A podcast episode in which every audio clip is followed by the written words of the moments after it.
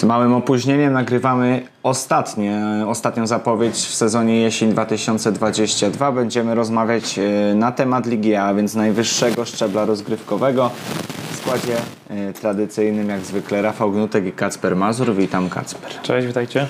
E, Dobrze, no to przechodzimy sobie szybciutko do Ligi A. Od razu się wytłumaczymy. Opóźnienie spowodowane małymi zawirowaniami. Nie do końca pewny był start Cybermachiny e, w rozgrywkach jesiennych. Ostatecznie drużyna Karola Kęski pojawi nam się na boiskach futbolowej Ligi Szóstek. E, Wcześniej wobec przesunięć awansowała drużyna Flamingo, więc ich już na boisku e, FLS-a zobaczyliśmy wczoraj. Cybermachinę zobaczymy w czwartek w starciu ze stomatologią, ale e, o tym e, jeszcze porozmawiamy. Zaczynamy sobie e, najpierw od zapowiedzi sezonu, a więc na początek kto tym sezonie może zostać mistrzem. No i tutaj chyba odpowiedź mamy jedną yy, i jedyną prawdopodobnie prawidłową. Tak, no pytając tutaj o mistrza, to w zasadzie nie trzeba, nie trzeba pytać kto mistrzem, tylko czy ktoś w końcu zdetronizuje stomatologię stópka. Oni już od kilku rund nieprzerwanie w zasadzie zwyciężają na, na pierwszym miejscu, kończą rundę, no i może w końcu nadszedł czas, żeby ktoś mógł im zagrozić na tyle, żeby to mistrzostwo utracili. Pamiętamy, że w tamtym sezonie bardzo blisko e, tego sukcesu były Asy Nowa Huta, ale oni e, przegrali tą rywalizację w zasadzie na ostatniej prostej e, meczem bo właśnie z Cybermachiną, gdzie osłabiona Cybermachina pokonała Asy, no i w zasadzie pozbawiła ich tych myśli o mistrzostwie. Może ten sezon będzie dla nich bardziej udany, natomiast no, w pierwszym meczu już ulegli. Pierwsza porażka z TEP edukacją, także no, ta droga nie rozpoczęta dosyć dobrze. Dokładnie tak. Wczoraj Asy zaprezentowały się nam już po raz drugi, no i poszło im nieco lepiej. Zwycięstwo z banerką, ale takie zwycięstwa w ubiegłym sezonie e, były raczej wkalkulowane. Wczoraj e, ta, to zwycięstwo o wiele e, bardziej trudne, o wiele ciężej przyszło drużynie Dariusza Nowaka świętować trzy punkty pierwsze na jesień. No ale ostatecznie się udało, no i Asy na pewno, tak jak wspomniałeś, będą największym kontrkandydatem stomatologii stópka. Obok nich no, wydaje się, że właśnie e, wspomniana też przez Ciebie drużyna TB Edukacja GDA Investment.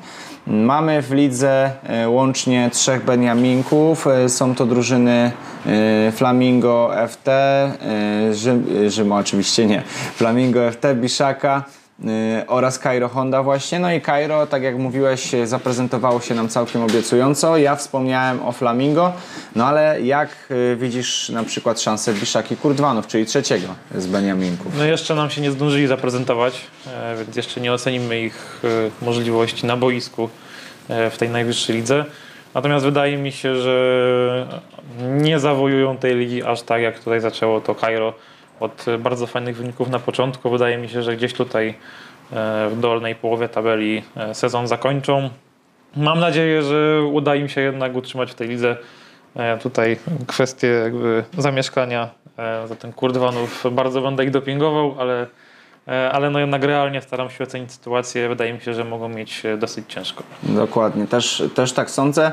Y, Obok nich na pewno spore problemy mogą mieć Sharksi. Oni bardzo źle rozpoczęli już ten sezon, no bo przecież porażka walkowerem w pierwszym starciu ze stomatologią stópka, teraz wysoka porażka z Beniaminkiem Cairo Hondą, więc to na pewno obok Biszaki będzie główny kandydat do tego, żeby z ligą się pożegnać, a przecież y, w tym sezonie z racji powiększonej do 11 y, zespołów ligi będziemy mieli aż trzech spadkowiczów. No i właśnie tutaj problem z tym trzecim spadkowiczem. Mamy drużyny, które jeszcze nie wymieniliśmy właściwie, czyli Rzymła, Siermięga, Wilanowa, Cybermachina, y, no i ba- o Banerce też jeszcze mało mówiliśmy. No, który z tych zespołów ewentualnie gdzieś tam y, mógłby mieć problem? No, jeśli nagrywalibyśmy to jeszcze przed startem sezonu, to wydaje mi się, że e, Wilanowy byśmy nie wymieniali w tym gronie, natomiast po tych już pierwszych meczach e, wyklarowali się jako, dru- jako drużyna, która bardzo kiepsko rozpoczęła sezon. E, Ten wczorajszy mecz z Flamingo pokazał, że no, nie wiem, czy to brak jakiegoś przygotowania, ale nie powiedzieli im się aż tak dobrze jak w tamtym sezonie, według mnie, kiedy kończyli w grupie mistrzowskiej. E, Teraz zaczęli bardzo słabo, no i też wydaje mi się, że na podstawie tej ich- tej ich formy e, z początku rundy trzeba też ich tutaj wymieniać w gronie kandydatów do spadku. Tak jest. No tak wygląda sytuacja w Lidze A. Wydaje się, że omówiliśmy wszystkie zespoły. No mówiliśmy też o tym e, dołączeniu ostatecznym Cybermachiny.